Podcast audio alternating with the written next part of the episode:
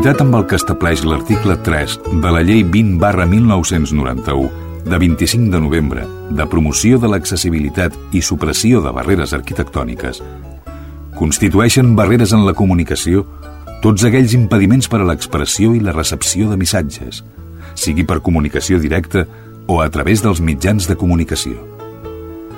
És per això que, emparant-nos en aquesta llei, volem que cada ciutadà gaudeixi del seu propi espai per moure's. Un espai sense censura. Un espai en què vosaltres sigueu els protagonistes. En definitiva, un espai per tothom. Benvinguts a Espai Vital. Benvingudes i benvinguts a l'Espai Vital, en l'espai que treballa per una societat inclusiva a la FM, la FM de les ràdios municipals de Ripollet, Cerdanyola, Barberà, Santa Perpètua, Sabadell i Montcada i Reixac. També treballa per la societat inclusiva al món d'internet, al món virtual. Avui, com sempre, tindrem cara endavant, aquests minuts que ens acompanyarem mútuament, doncs les col·laboracions de les ràdios eh, corresponsables d'aquest espai, que ens faran conèixer conèixer una mica quina és la fotografia pel que fa al treball que es du a terme en matèria d'integració social. Com sempre, ho farem amb la col·laboració i l'ajut d'en Jordi Puy a les vies tècniques, la Teresa Diviu, la nostra cuinera adaptada. Bon dia, Teresa. Bon dia a tothom. Teresa, avui què farem? Mira, farem unes mandonguilles amb patates i pèsols. Molt bé, doncs ja ens llepem els dits. El fred encara no acaba de marxar i convé fer un plat calent. És això, que jo penso que una cosa calentona me va bé aquest temps. Perfecte, doncs ja ho sabeu, mandonguilles amb patates i pèsols. Podeu anar cara al mercat o al supermercat a comprar els ingredients i d'aquí a no res en parlem. Avui el nostre cercador, l'Alfredo Ángel Cano, no ens ha deixat eh, cap secció. Ho lamentem, però sí que ens agrada saber que ens acompanya i fa costat, fa equip amb l'Espai Vital. En Xavier Casas, l'inspirador d'aquest espai, sí que ens acompanya i avui ens lliura una entrevista que escoltarem ben aviat. Com sempre, vosaltres, oïdors o oïdores, sou part indissociable de l'Espai Vital. Us necessitem perquè tingui sentit aquest programa. Un espai d'avui que comencem i, com sempre, en coneixerem els continguts.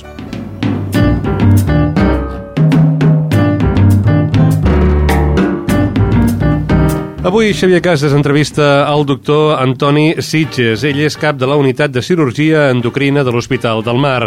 Ens parlarà el doctor Sitges d'una tècnica innovadora que evita la paràlisi de les cordes vocals.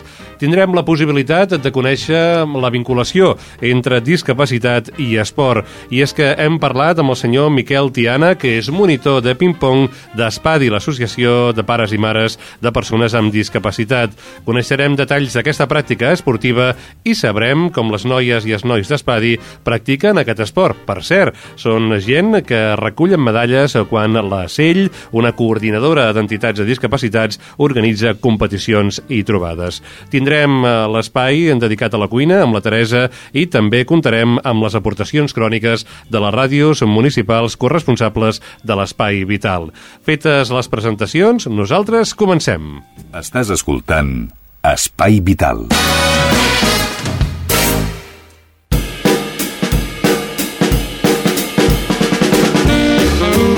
Avui contem amb la participació, la col·laboració d'en Xavi Casas. Ha baixat a l'arena del món de la ràdio i ha entrevistat el doctor Antoni Sitges. És cap de la unitat de cirurgia endocrina de l'Hospital del Mar. Un tema prou interessant. Quan es produeix una paràlisi de les cordes vocals comporta molts problemes, però hi ha tècniques del món de la medicina que ajuden a superar-los. Xavi, quan vulguis. Cirurgians de l'Hospital del Mar han presentat una tècnica innovadora que evita la paràlisi de les cordes vocals. Per parlar d'aquest tema i el per què es paralitzen les cordes vocals, tenim a l'altre costat de la línia telefònica el doctor Antoni Sitges, ell és cap de la unitat de cirurgia endocrina de l'Hospital del Mar. Doctor, bon dia. Molt bon dia. Doctor, per què es paralitzen les cordes eh, i, i quan es paralitzen?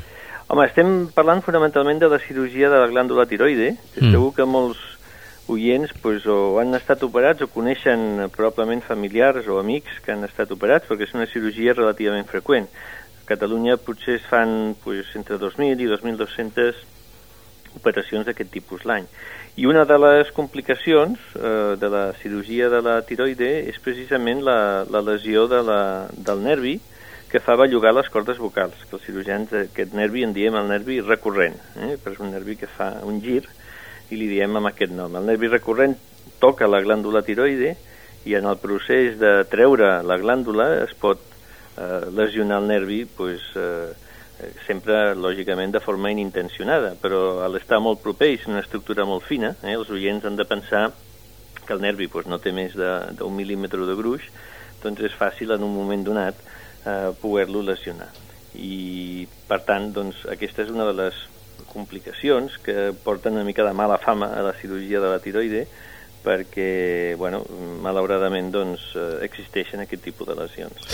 Doctor, aquesta innovadora tècnica, aquesta troballa, fa que ja tots els cirurgians sàpiguen com operar la tiroides sense afectar el nervi recurrent? Bueno, jo no diria exactament això, seria una mica al contrari, eh? els, els, els cirurgians especialitzats en aquesta, en aquesta cirurgia i pensi que cada cop pues, aquesta cirurgia es fa més amb, amb centres de referència i per unitats més especialitzades en cirurgia tiroidea, el que en diem unitats de cirurgia endocrina. Doncs, home, aquesta tècnica ve a donar-nos un, diguéssim, una major seguretat.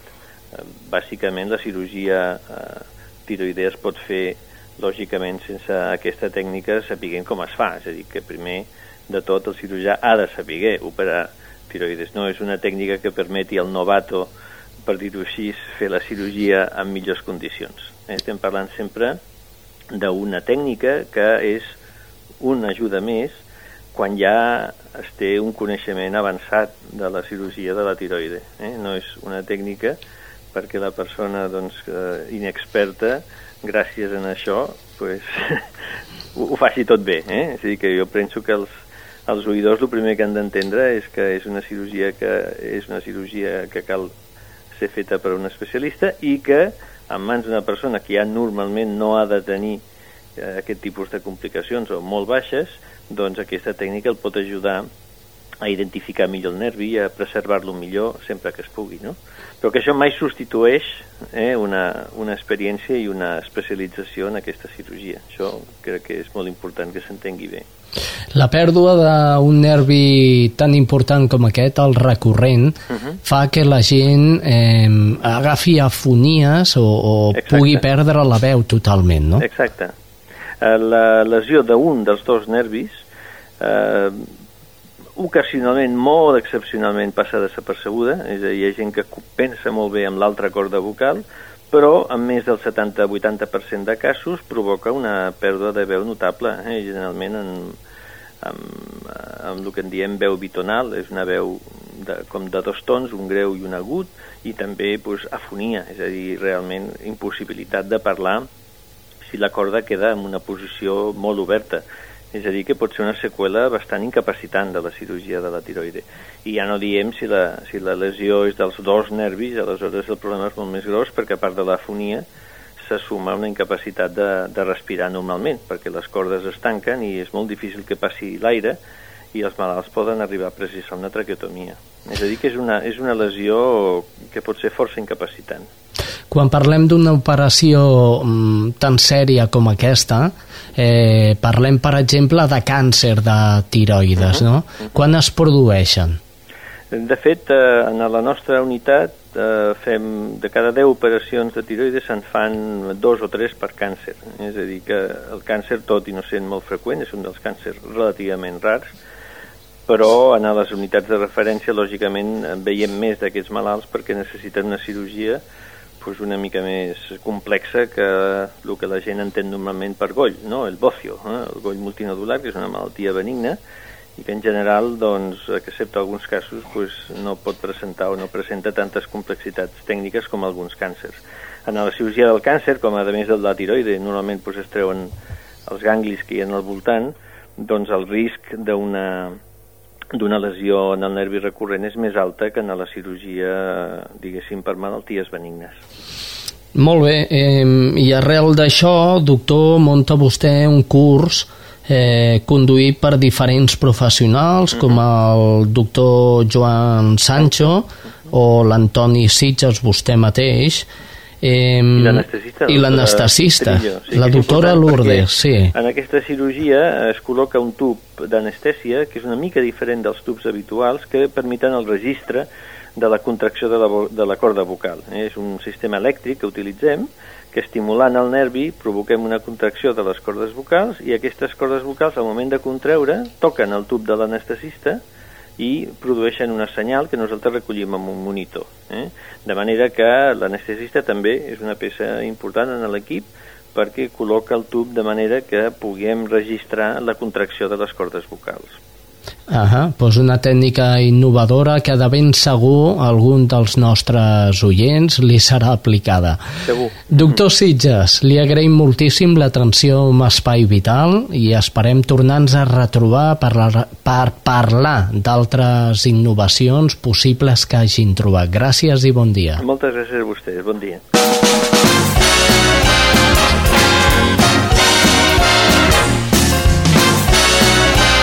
Espai Vital, el primer programa adaptat de les zones.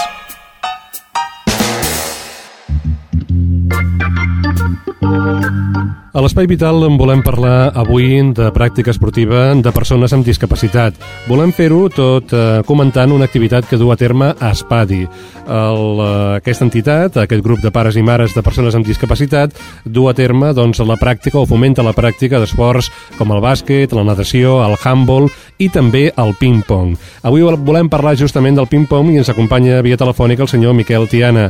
Miquel, bon dia. Hola, bon dia. Miquel, quan comenceu a Espadi a oferir, a ofertar la pràctica del ping-pong? Ah, pues el 2000, a principis de 2007. O sigui, fa uns 3 anys que vam començar a, a practicar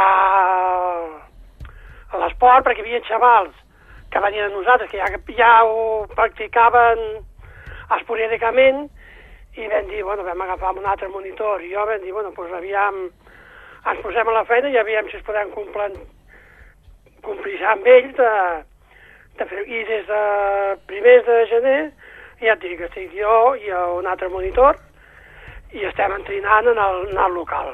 Uh -huh. Escolta, um, què, què és el que aporta als nois i noies, als homes i les dones que fan ping-pong la pràctica d'aquest esport?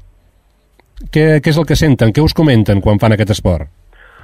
Home, eh, el companyerisme que tenen, la relació que tenen en, en, entre ells, els hi val molt bé per coordinar els seus moviments, i ells ho tenen molt... els agrada molt, vaja.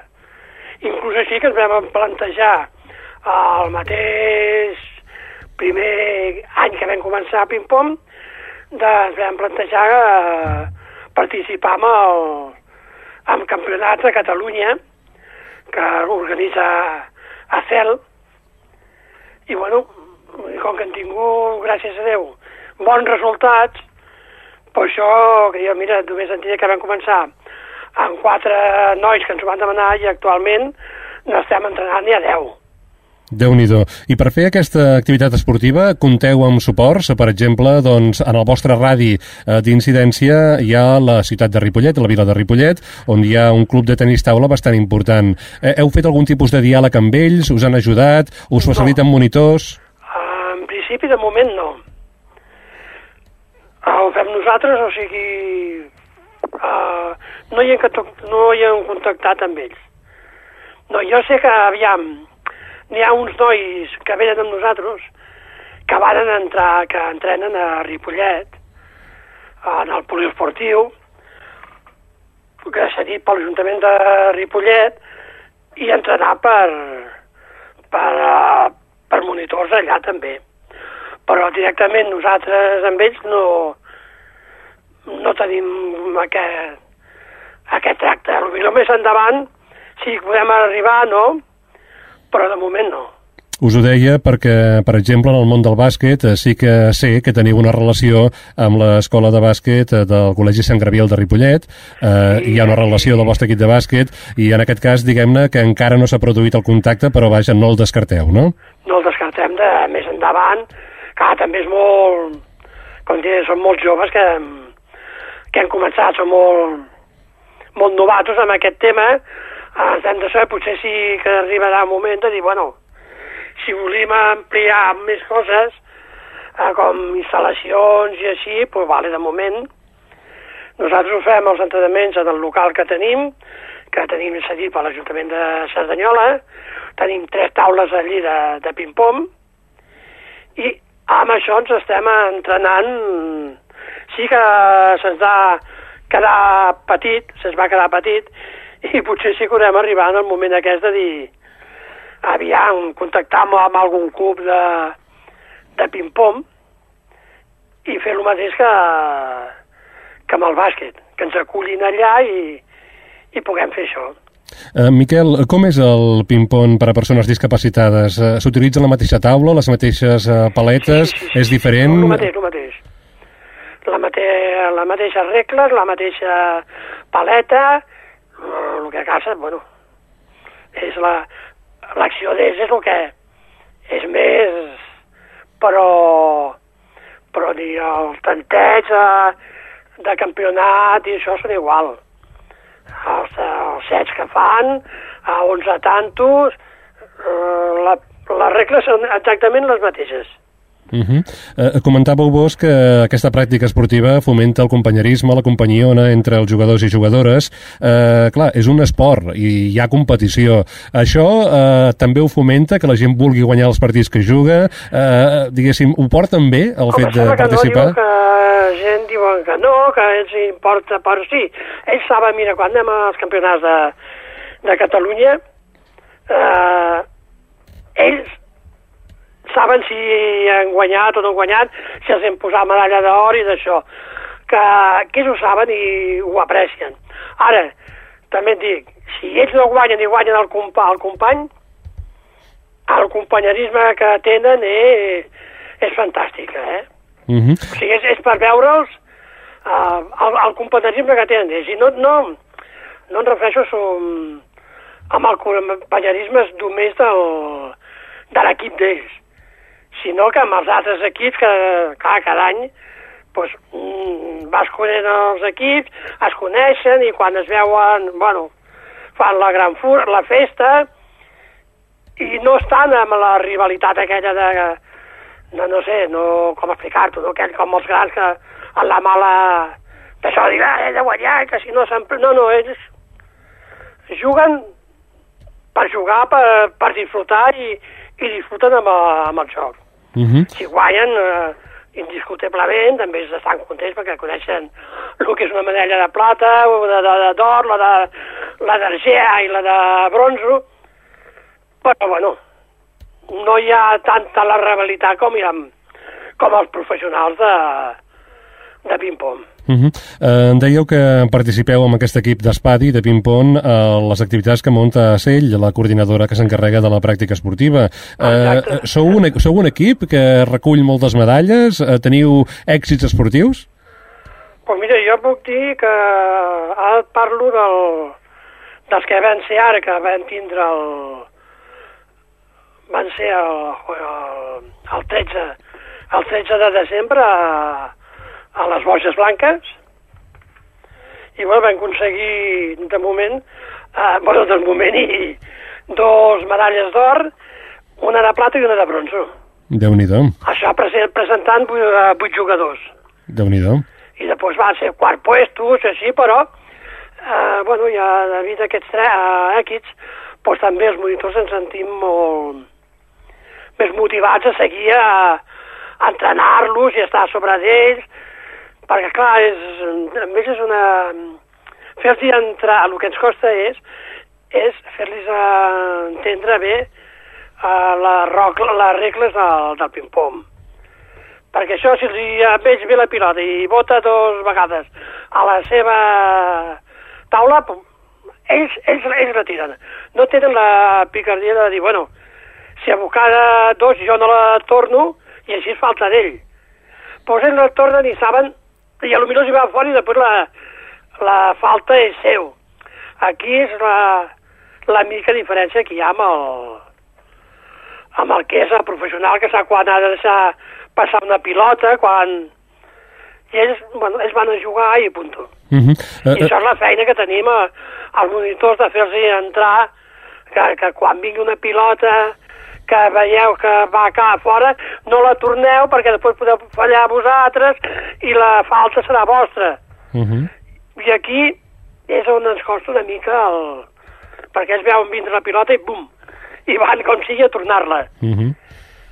Però bueno, uh, cada dia ho anem millorant més, eh?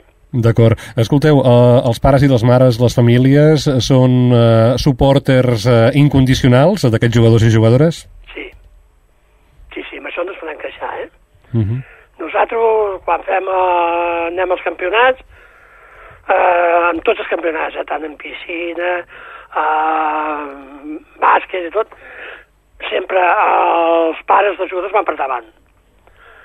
Són els primers que s'apunten al, a vindre al campionat i animar-los i, i són els que els animen també que cada divendres, cada dimarts heu d'anar a entrenar i, i si amb això eh, els segueixen.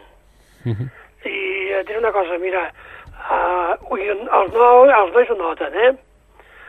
Perquè si hi ha algun, no sé, algun campionat que un pare o no ha pogut, per, ha pogut vindre per problemes, o els nois ho acusen que estan sols.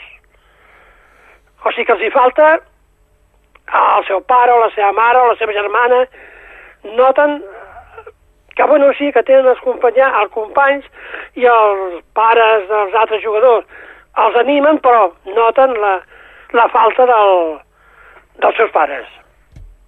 Molt bé, ja per acabar aquesta entrevista que mantenim, i ara que no ens escolta ningú, ara que estem sortint eh, per diverses ràdios municipals, eh, teniu prou suport de les administracions? Eh, dèieu fa un moment doncs, que el local eh, s'ha fet petit, vau començar amb pocs jugadors, ara sou 10. Eh, Sí, us, tro bueno, us trobeu amb el suport de les administracions? Caldria més implicació? Eh, Home, uh, sempre necessitem més l'implicació de tot que sí. Jo parlo ara de l'Ajuntament de Cerdanyola, ens ha cedit el local, uh, hi havia un local al costat, ens ha fet una ampliació, ens ha cedit, ara tenim un local molt decent i molt maco, Uh, però clar, és allò que té, quan tens una cosa, dius, hòstia, si tingués més gran podia posar dos, dos taules més. Eh, perquè, clar, nosaltres tenim que som, fan diverses coses. I abans, amb el local petitet que teníem, doncs, eh, apartaves més temps desmuntant les taules de ping-pong per deixar puesto. Que darrere teu venien els que feien manualitats. Uh, això, de moment, ho hem superat amb el, amb el, aquesta ampliació del local que ens ha fet la- l'Ajuntament de Cerdanyola, però clar, sempre demanarem més, nosaltres, perquè nosaltres has de comptar que tots els, tant la Junta com monitors, tots són voluntaris i eh, ho portem eh, quan es deixen les hores de treball nosaltres, és, ens dediquem, un, un altre se'n va al cine o se'n va al teatre, nosaltres ens dediquem a portar l'associació davant i a i dar manualitats, fer bàsquet, fer ping-pong, i clar, sempre necessites el d'això. La veritat que sempre que hem anat trucant eh, a l'Ajuntament ens, eh, ens ha escoltat. Eh, parlo del, de l'Ajuntament de, de Cerdanyola perquè, si és veritat, eh, potser al tindre el local a Cerdanyola sempre recolleixes més a l'Ajuntament d'allà.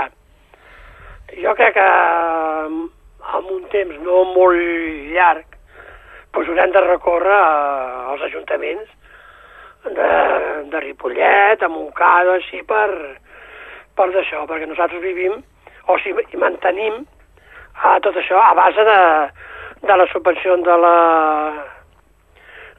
de l'Ajuntament, eh, unes subvencions que vas buscant tu a, a, a la Caixa, a la Caixa Madrid, a Caixa Sabadell, vas buscant ajuts per tota, per tota la per tota la cosa aquesta, per comprar material, eh, comprar pales, ping-pong, ai, taules de ping-pong, eh, roba per, per ells perquè n'hagin eh, tots iguals a l'hora dels campionats.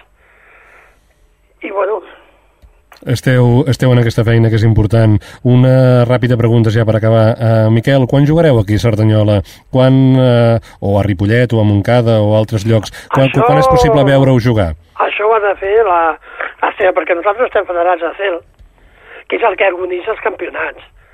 Això hauria de ser l'Ajuntament de Cerdanyola, que a través de CEL eh, devinés, eh, demanés a fer un campionat aquí i s'ho haurien de posar entre, entre d'acord entre els dos. Uh -huh. Doncs esperem... Nosaltres a Cerdanyola entrenem cada dimarts. Uh -huh. Cada Esperem... dimarts de 6 a 7 i mitja Uh -huh. nosaltres estem entre- entre- entrenant en el local. D'acord.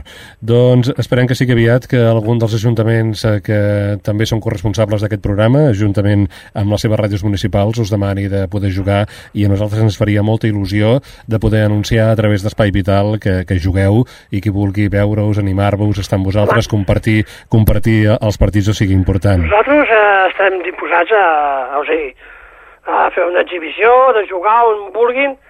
Nosaltres juguem ara. Els campionats els fa, els organitza a, a CEL. Molt bé. Després hi ha la, les lligues que diuen, però ja, clar, nosaltres ja en aquest moment no podem arribar a, a fer la lliga per manca de recurs tant mm, material com, com de humans. Però jo... Nosaltres tenim la, la, la il·lusió, tant jo com l'altre monitor, de que un dia podem participar amb les lligues eh, que fan eh, a CER, que són que duren dos, dos o tres mesos i són cada dissabtes, hi ha partits. D'acord, doncs... Això és la fita nostra que tenim, aviam si podem arribar aquí. Perfecte, a veure si és possible. Miquel Tiana, monitor de ping-pong, un dels monitors de ping-pong d'Espadi, moltes gràcies per haver atès Espai Vital i molta sort esportiva en aquesta pràctica que feu. Gràcies. Gràcies vosaltres per a, a recordar-se de nosaltres. Adéu-siau. Vinga, adéu.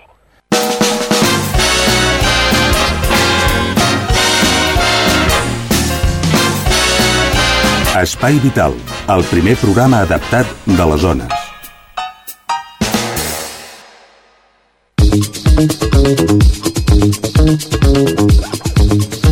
Comencem la nostra volta virtual per la comarca per conèixer quina és l'actualitat de les poblacions que són corresponsables d'aquest programa de l'Espai Vital. Avui iniciem el recorregut a Montcada i Reixac. Des de Montcada Ràdio, la Sílvia Díaz ens comenta que l'associació Adimir ha organitzat una exposició en treballs fets pels infants de la ciutat. Hola, salutacions des de Montcada a l'Espai Vital. Avui parlem de l'entitat de discapacitats Adimir, que ha organitzat una exposició a la Casa de la Vila. Es tracta d'una mostra de dibuixos d'alumnes de gairebé tots els centres educatius de primària del municipi, que rep el nom a l'escola Tots aprenem de forma diferent i que es podrà visitar fins al 21 de març.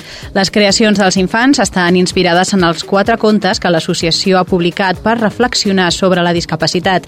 Una exposició similar ja es va poder veure a Montcada el 2008 i l'objectiu dels organitzadors és fer-ne de forma periòdica, ja que, segons ells, és un bon sistema per conscienciar els alumnes de la importància de l'educació en la diferència. Precisament sobre aquest àmbit, Adimir ha avançat que treballarà d'ara en endavant per implicar més professionals d'aquest àmbit en la seva causa. En la línia de que cap alumne amb necessitats educatives hagi de marxar fora de Montcada per estudiar, el col·lectiu està treballant per portar al municipi aquells infants que ara estan escolaritzats fora i per garantir l'educació en la diferència a secundària. El curs vinent, de fet, un alumne en aquesta situació compaginarà l'educació a una escola especial amb la formació a un institut de Montcada. Doncs bé, això és tot. Fins la setmana vinent. Saltem de Montcada cap a Sabadell, a Ràdio Sabadell, on la nostra persona de referència és la Karen Madrid. Ens explica que la regidoria d'Igualtat Home-Dona de l'Ajuntament sabadellenc vol donar un nou impuls al Centre d'Atenció a la Dona. Salutacions des de Sabadell. La regidoria d'Igualtat Dona-Home donarà un nou impuls al Centre d'Atenció a la Dona durant aquest any 2010. L'augment del pressupost del departament fins als 600.000 euros permetrà introduir millores en aquest servei, convertint-se en un centre de recursos per totes les dones. En parla la regidora d'Igualtat Dona-Home, Marta Ferrés que des del Centre d'Atenció a la Dona estem treballant perquè sigui un autèntic centre de recursos, és a dir, per exemple, quan es va crear de la regidoria pràcticament no feien cursos adreçats per dones i actualment doncs, tenim llista d'espera de dones que volen uh, fer aquests cursos que van doncs, des d'autoestima, intel·ligència emocional, um, bé, a diferents a risoteràpies, a diferents cursos que fem, doncs també perquè les dones s'empoderin i perquè les dones doncs, aprenguin també a treballar les pròpies emocions.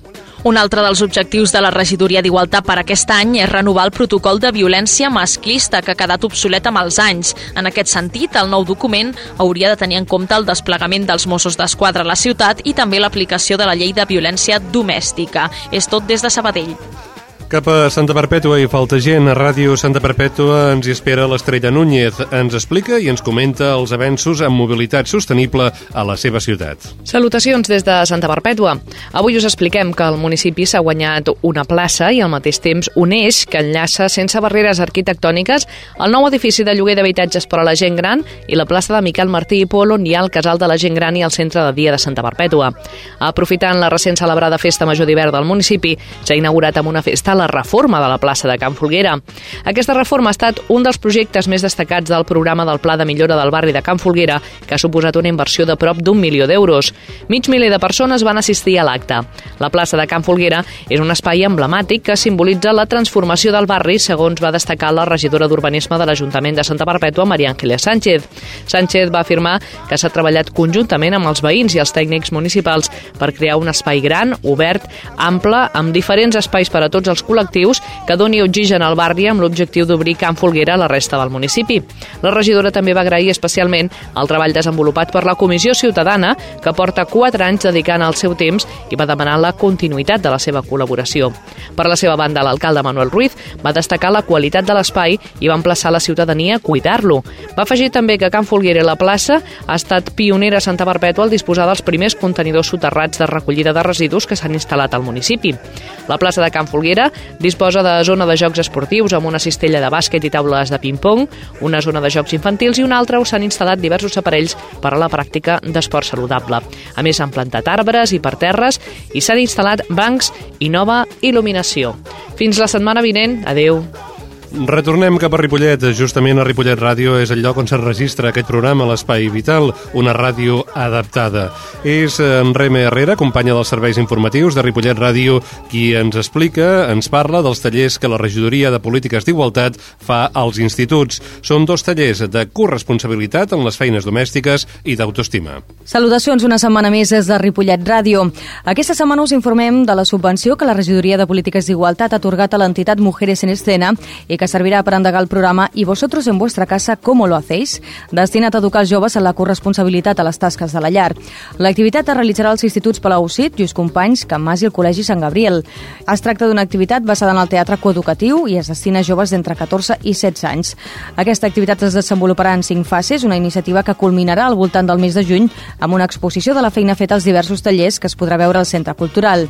D'altra banda, la Regidoria de Polítiques d'Igualtat, dins la guia d'activitats educatives, va realitzar recentment un taller d'autoestima dirigit als alumnes de segon d'ESO de l'IES Palaucit. L'objectiu era treballar amb els adolescents i reflexionar sobre l'autoestima a partir de diferents dinàmiques proposades. Valem Estrany, psicòloga i terapeuta morfonalista, ha estat la professional que ha portat les dinàmiques. I això és tot per aquesta setmana. Salutacions i fins la propera. Cerdanyola Ràdio, a través de Mònica González, aporta una informació que no només és d'interès de la seva població, sinó ben bé de totes les poblacions que mm, coproduïm aquest espai vital. Ens comenta que la fase d'enderroc de la zona enredosa, on s'ha de construir el futur hospital Ernest Lluc, doncs pràcticament ja ha acabat. Com vulguis, Mònica. Salutacions, Espai Vital, des de Cerdanyola Ràdio. La fase d'enderroc a la zona Radosa, seu del futur hospital Ernest Lluc, ja està pràcticament acabada. L'alcaldessa de Cerdanyola, presidenta també de la Mancomunitat Intermunicipal, Carme Carmona, l'alcalde de Montcada i Reixac, César Arrizabalaga, l'alcalde de Ripollet, Juan Parralejo, i la regidora de Salut de Barberà del Vallès, Mercè Quadrado, han fet una visita a les obres de demolició de les instal·lacions de l'antiga fàbrica Radosa. L'alcaldessa de Cerdanyola ha destacat que la construcció de l'hospital potenciarà la centralitat d'un indret estratègic per als quatre municipis, ajudant a millorar la connectivitat i dotant de serveis la comarca. L'alcalde de Ripollet, Juan Parralejo, reconeixia la lentitud del projecte deguda a la seva extrema complexitat i gran ambició de futur. Parralejo destaca la ubicació de l'equipament a l'epicentre de la intercomunitat i amb una reserva de 17.000 metres quadrats cedits per Ripollet al CatSalut, que permetrà el seu futur creixement. Per la seva banda, l'alcalde de Montcada i Reixac, César Arrizabalaga, parlava de la força que poden tenir els municipis quan treballen en projectes conjunts i de manera coordinada. Els tres alcaldes van coincidir a no voler donar dates sobre el calendari d'execució del projecte de l'Hospital Ernest Lluc, cedint aquesta responsabilitat a la consellera de Salut Marina Geli, que visitarà les obres al mes de maig. I això és tot, des de Cerdanyola Ràdio. Tancarem el tour comarcal a Barberà del Vallès. Des de Ràdio Barberà, Judit González ens explica que s'ha dut a terme en aquesta localitat un sorteig d'habitatges de protecció oficial. N'hi havia per a persones discapacitades. Com vulgui, Judit. Salutacions des de Ràdio Barberà. La sala celler de la Torre d'Angors de la nostra ciutat va acollir el passat dijous el sorteig de 81 habitatges de protecció oficial en règim de lloguer per joves discapacitats físics i famílies monoparentals. El sorteig que va començar a les 7 de la tarda va comptar amb l'assistència de l'alcaldessa de Barberà del Vallès, Ana del Frago, la regidora d'Habitatge, Cristina Conde, el cap dels serveis tècnics municipals de l'Ajuntament de Barberà, Jordi Llong, la responsable de l'Oficina Municipal d'Habitatge, Marta Murcia, la responsable del Departament de Gestió de Projectes Procram, l'apoderat de Proviure, Lluís Roura, i el notari Lluís Pitxó, que van donar fe del sorteig. El sorteig es va iniciar amb l'adjudicació dels tres habitatges adaptats per minusvàlids amb dos dormitoris amb capacitat per un màxim de tres persones. Aquests habitatges adaptats tenen una superfície de 47,40 metres quadrats i els seus inquilins hauran de pagar un lloguer de 439 euros al mes. A més a més, cal destacar que aquests pisos estan vinculats a garatges i a trasters.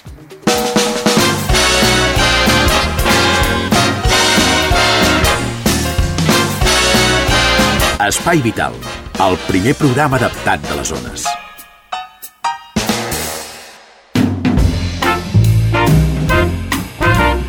Sintonitzeu l'Espai Vital, un programa que coproduïm en ràdios municipals de la comarca del Vallès Occidental, la Ripollet Ràdio, Cerdanyola Ràdio, Ràdio Barberà, Ràdio Santa Perpètua, Ràdio Sabadell i Montcada en Ràdio. Som corresponsables d'aquest espai, un espai que treballa per una societat inclusiva. Avui volem parlar d'un tema, abans no donem pas a la Teresa, però volem parlar amb ella d'una notícia que ens arriba directament des de Montcada i Reixac. Eh, Teresa, para atenció perquè la llegeixo, l'amiga Pilar Vian dels serveis informatius de Montcada Ràdio ens fa arribar la següent informació. Diu així, la malaltia de Pompe és una afecció degenerativa hereditària que ataca el teixit muscular. Si es declaren nadons, les expectatives de vida són nules. En adults, el procés és més lent però acaba sent irreversible. Es tracta d'una dolència de les tipificades com a minoritàries perquè afecta un percentatge molt baix de la població. A tot l'estat es calcula que hi ha al voltant de 250 afectats. Precisament, una de les malaltes viu a Montcada i Reixac. Es tracta de la senyora Marga Cayuela, té 45 anys i va començar a patir els símptomes ara en fa 5 i està perdent o està pendent d'iniciar tractament mèdic. Per tal de donar a conèixer aquesta afecció i aprofitant l'estrena de la pel·lícula Medides Extraordinàries, que tracta sobre la malaltia, el dia 18 de març, a dos quarts de sis de la tarda, es farà als cinemes al punt un acte informatiu organitzat per l'Associació Espanyola de Enfermos de Glucogenosis, que inclourà el passi gratuït d'un breu documental i del film protagonitzat per Harrison Ford i Brendan Fraser. La pel·lícula, basada en fets reals, narra la història de John Crowley, un home que va abandonar la seva carrera quan als seus dos fills se'ls va diagnosticar la malaltia. La recerca d'un tractament eficaç centra l'argument del film. Concretament, un dels principals objectius de l'Associació Espanyola d'Enfermos de Glucogenosis és garantir que els afectats i les afectades tinguin una bona atenció, ja que el tractament és molt car. Les persones interessades a assistir al passi de la pel·lícula es poden informar a través de la pàgina Facebook por los derechos del enfermo de Pompe. I ens diu la Pilar, que ens envia la informació, la qual cosa agraïm i divulguem des d'Espai Vital, doncs que aquesta senyora està esperant l'atenguin a la vall d'Hebron Caron. I allà sembla ser que, vaja, que espera que esperaràs. Fa 5 anys, Teresa, que espera rebre tractament, no, no, li diuen que és molt car i, i vaja, i que s'esperi. Eh, què, què et sembla? Jo trobo molt malament això. Jo trobo que una persona, si té una cosa així, ens haurien d'atendre de seguida, a passar davant d'altres persones Quina enfermetat és aquesta? És una enfermetat, n'hem parlat a vegades de les malalties minoritàries sí. aquí a l'Espai Vital i és una enfermetat que justament és d'aquestes minoritàries. Només 250 persones dels 40 i escaig milions d'habitants que té l'estat espanyol. Però, és clar, eh, com tu bé deies, és intolerable eh, que aquesta persona malalta doncs, no pugui rebre l'atenció que li pertoca. És això. Uh -huh. I trobo estrany que la Vall d'Hebron, vull dir, no sé, vaja ha de ser una cosa, però diguem tu que les persones que superen de cirurgia estètica troben puesto tot arreu. I aquestes coses no podien fer una mica per les persones d'aquestes de dir, bueno, no esperem tant perquè cinc anys, des de luego, es passen ja, eh? I tant que sí. Esperem que la Vall d'Hebron, la Conselleria de Torn, doncs eh, facin, facin moviments i aquesta persona, aquesta veïna de Montcada i Reixac, la senyora Marca Cayuela, doncs pugui rebre l'atenció mèdica que li pertoca i bé, pugui doncs eh, viure el millor que sigui possible amb aquesta malaltia que pateix. Nosaltres, ara, si et sembla, Teresa, deixem aquest comentari que fèiem, aquest apunt que fèiem, motivat per l'aportació de la Pilar des de Montcada Ràdio i saltem directament cap a la cuina. La Teresa ho avançava com començàvem el programa, aquesta edició de l'Espai Vital. Avui mandonguilles amb patates i pèsols. Uh, Teresa, uh, si et sembla, anem directament, primer de tot, uh, per saber quins ingredients haurem de menester. Doncs pues mira, mandonguilles. Jo posaria de vedella perquè així donen més consistència en el suc pues, no sé, tres o quatre per cada un, les, els que sigueu, no sé, per la gana que tingui. Ah, això, això és important, també. Posem un quilo de patates, un quart de quilo de pèsols, si voleu, si no podeu pelar la patata, doncs mira, ara n'hi ha al mercat de congelades. Allà també, doncs mira, hi trobareu els pèsols, i si voleu també allò all i julivert picat, també un, perquè també necessitarem per fer com una mica de picada, un, allò, un parell de carquinyolis, una, allò mitja ceba, també per comprar la ceba ratllada, i un tomàquet ratllat. déu nhi tenim ja els ingredients, hem anat a comprar al sí. mercat o al supermercat. Sal i oli, doncs comencem, doncs posem un olla al foc amb aigua per bullir les patates i els pèsols. Mentre es bulleixen, podem posar la paella i fregim les mandonguilles. No les, no les torreu massa. En el sofregir, vull dir, l'oli d'aquell de les mandonguilles podeu fregir pues, la ceba i el tomàquet.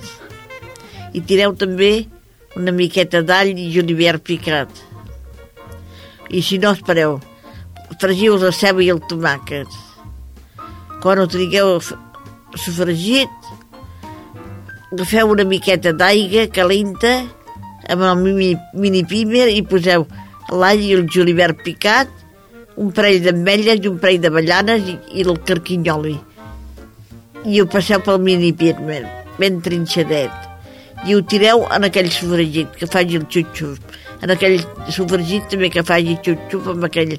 I poseu una miqueta l'aigua aquella i poseu les mandonguilles, que faci també una mica xup-xup quan veieu que les patates ja estan cuites i els pèsols i tireu allà, bé, cuites no, mig cuites, i tireu aquelles, aquell suquet i aquelles mandonguilles allà, que faci res, 5 minuts de xup-xup, ja teniu un dinar de cullera o el suc, el que vulgueu. I almenys donar consistència ben calentó, trobo que, que també ve de gust encara. I tant que, que sí, i tant que sí, perquè tenim a les envistes el calendari la primavera, però l'hivern... Sí, eh, encara hi és. Encara, encara coeix, eh? Sí, sí, sí. Molt bé, i si més no, la setmana passada, déu nhi amb, oh. amb tot el tema de la neu que vam tenir eh, per aquestes contrades. Ara comença a albirar-se doncs, una mica el bon temps, però encara coeix l'hivern, i com diu la Teresa, sempre és bo doncs, un àpat consistent, eh, caldós, si ens agrada caldós, o, o vaja, una mica com el gust de cadascú. Sí, sí. Com sempre, aigua o un gotet de vi? Ai, jo, jo sempre aigua. bueno, esclar, mirem un got, mig gotet de vi, trobo que que la persona que està bé també pues, pot beure mig gotet de vi per acompanyar el menjar. Molt bé. Escolta, i les patates, que deies que les hem de bullir, eh, una pregunta sobre les patates. Eh, tu saps que hi ha gent que diu, o els científics diuen, que les patates tenen molt de l'aliment que porten a la pell. Tu ets partidària... Bé, en aquest cas suposo que són patates pelades, però sí. tu les fas mai amb pell? Les cuines, les rentes mm. i les fas amb pell? Jo no n'he fet... Vull dir, no n'he fet mai amb pell però una persona que em va dir que les feia amb pell, doncs clar, jo per pelar-les amb la pell, i tot em va dir un truquet perquè es puguin eh, allò pelar millor. Primer, amb el ganivet, fer-hi com una miqueta de tall per sobre allò, hasta el mateix ganivet, allò rasgar una miqueta per sobre. I així quan es bullen, o si no, en el forn, embolicades en paper de plata i al forn, en pell. I després es poden pelar molt bé, diuen. D'acord, doncs ja ho sabeu, patates amb pell o sense pell són bones, són un d'aquells ingredients dels àpats, dels menjars, eh, molt soferts i que ens ajuden doncs, a complementar coses que fem, a donar-hi un gust diferent. És això, que hasta per la vida que hi ha ara la gent ha de menjar més patates perquè tingui més consistència perquè hi ha, hi ha persones que ara no fa menjar tant de tall o el que sigui perquè no poden. Doncs pues mira, el, les patates ajuden una miqueta a passar més déu nhi I, I què en faríem sense les patates, eh? Oh, i tant. I el pa. Un, un bon regal que ens portaren d'Amèrica i que déu nhi com n'han tret de profit aquí per aquestes contrades, perquè les patates americanes són petitones, petitones, com, com cireres, potser sí. una mica més grans, i aquí les hem fet créixer i les hem fet més importants. Nosaltres, Teresa, si et sembla, ho deixem aquí. Deixem aquí. Deixem aquí. Bon profit per tothom que faci aquestes receptes de la Teresa. Eh, Recordar-vos que l'equip de l'Espai Vital som a les vies tècniques en Jordi Puy, la Teresa, la nostra cuinera, l'Alfredo Ángel Cano, el Xavi Casas, un servidor Jordi Jorba, els companys i companyes de les ràdios municipals que coprodueixen aquest programa i vosaltres, oïdors oïdores. Si us ha agradat, doncs eh, sapigueu que podeu escoltar el post d'aquest programa fent podcasting al blog de l'Espai Vital, poseu Google Espai Vital i surt el blog, o bé la setmana vinent en directe per la vostra ràdio municipal o, per què no, via internet. Nosaltres marxem amb una persona que la setmana passada operava esperàvem, no era una operació, diguem-ne, important, és en Joan Manuel Serrat, que recupera d'aquesta afecció que tenia al pulmó i n'ha estat operat a la clínica Quirón perquè vol començar la gira del nou disc dedicat a Miguel Hernández doncs, eh, amb plenitud de facultats. Eh, Teresa, jo sé que a tu t'agrada molt el Joan Manuel Serrat i hem triat una cançó que et volem dedicar. Saps quina és? Ah, no me'n recordo, sí, no me'n recordo quin m'has dit ja. Ja. Ara, ja. Ah, vaja, això no val, eh? Ara, no, ara que... hem ensenyat la cuina aquí, eh? No, és que m'has dit tantes que en tinc tantes al cap. Paraules d'amor. Ara, sí, doncs perquè vinga. pensat que era la tieta. Paraules d'amor, adeu-siau. Ella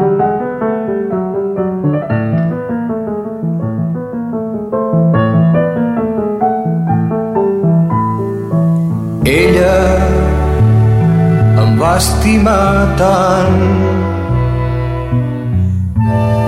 Jo me l'estimo encara. Plegats vam travessar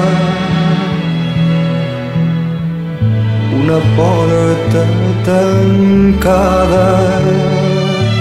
Ella, com us ho podré dir, era tot el meu món llavors. Quan en la llar cremava només paraules d'amor. Paraules d'amor senzilles i tendres no en sabíem més, teníem 15 anys, no havíem tingut massa temps per aprendre'n. Tot just despertàvem del son dels infants. En teníem prou amb tres frases fetes que havíem après d'antics comedians d'històries d'amor, somnis de poetes, no en sabíem més, teníem 15 anys. Ella, qui sap on és, ella qui sap on para. La vaig perdre i mai més. He tornat a trobar-la, però sovint en fer-se fosc de lluny m'arriba una cançó. Velles notes, vells acords, velles paraules d'amor. Paraules d'amor senzilles i tendres, no en sabíem més, teníem 15 anys, no havíem tingut massa temps per aprendre'n. Tot just despertàvem del son dels infants. En teníem prou amb tres frases fetes que havíem après d'antics comedians d'històries d'amor somnis de poetes no en sabíem més caminham quinzais.